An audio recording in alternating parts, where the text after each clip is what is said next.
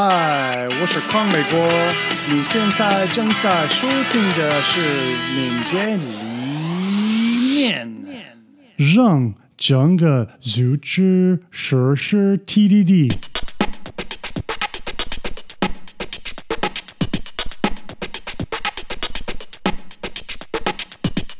上一集我们讨论了如何让团队实施 TDD，也就是用微测试来发展他们的代码，让一个团队实施 TDD 非常有帮助，因为这样展示了 TDD 的实施不仅可行，而且很有价值。下一步是如何让整个组织采纳实施 TDD。没有组织的接受，在管理层或者产品负责人更换的时候。TDD 就有可能被否决，这种事情随时都有发生。团队自己发现了新事物的价值，管理层换人了，不理解团队的做法，于是开始干预，并停止了相应的做法。所以，组织的采纳是对 TDD 未来价值的确认，这样能使 TDD 成为公司文化、雇佣政策。和职业路径的一部分，在一个团队成功展示了 TDD 的价值之时，就是全面实施 TDD 的时候了。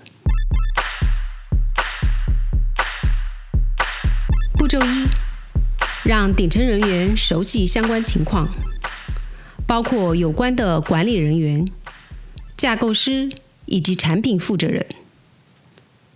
管理层应该了解实施 TDD 需要的付出和会有的回报，这样他们就不会以负面的形式进行干预。开发人员最不喜欢实施 TDD 的不确定性挑战，包括让管理层、架构师和产品负责人熟悉 TDD 时，这三类人群有着完全不同的需求和对 TDD 不同的看法，因此传递的消息。目的和技术对话的效果都应当有所不同。骤二，进一步实施。开发者需要学习如何使用单元测试库，如何重构代码，如何设置连续整合服务器，以及如何采用先编写测试的设计。这些在起始阶段都会减慢开发者的速度，即使管理层已经做出了决定，开发人员也会按照自己的想法接受或者反对 TDD。虽然并不需要每个人的同意，各团队需要百分之四十到百分之六十的开发人员有使用 TDD 的意愿，增加甚至长达数年的学习激励。可以让态度还不明朗的开发者开始先试用 TDD 几个月。根据我的教练经验，这足以使 TDD 新手变得熟练。我见过较好的实施方法，包括副总为每位开发者分配奖金，团队的领头人负责确立一些可实现但又有挑战性的 TDD 实施目标，这样也就确立了。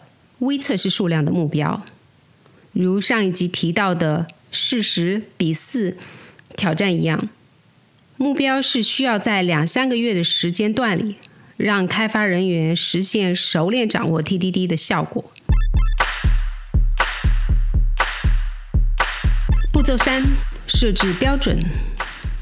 设置标准会成为团队对任务完成最低的定义，一种便捷的方式。就是让标准透明可见，容易通过连续整合展开。下面是一个例子：拥有一台连续整合服务器，服务器必须执行编译步骤，并让其可见；服务器必须执行微测试，并让其可见；服务器必须执行微测试的代码覆盖率评估，并让其可见。服务器必须执行红测试，并让其可见。不能交付未通过测试的代码。服务器必须执行设计负责，并让其可见。新代码必须有百分之九十的代码覆盖率。最后一项对有大量历史遗留代码的情况较为困难，需要花费数年甚至数十年的时间来达到百分之九十的代码覆盖率。因为任何理由都不可能让我们一切都从零开始来重写代码。添加到历史代码库的新类应该有很高的代码覆盖率，但是在用连续整合服务器实施检查时会较为困难。步骤四：可持续的系统雇佣政策需要直接的针对熟悉 TDD 或是对学习 TDD 持开放态度的人。在目前的情况下。招聘反对 TDD 的开发人员是不合适的。这样的招聘行为只会导致他们与同事之间的压力，以及增强整个组织负面的状况。因此，可以把 TDD 和结对编程作为面试的一个步骤。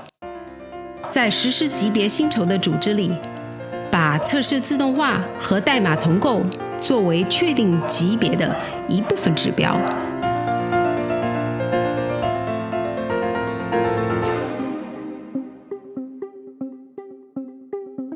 你喜欢读悬疑书吗？一本关于敏捷思维的悬疑书，《黑色敏捷》是非常有意思的，依靠戏剧性的故事讲述，教会你敏捷思维。欢迎在康美国的微店查看这一集的播客注释。下一集我们将。作为开发者，如何熟练掌握 TDD？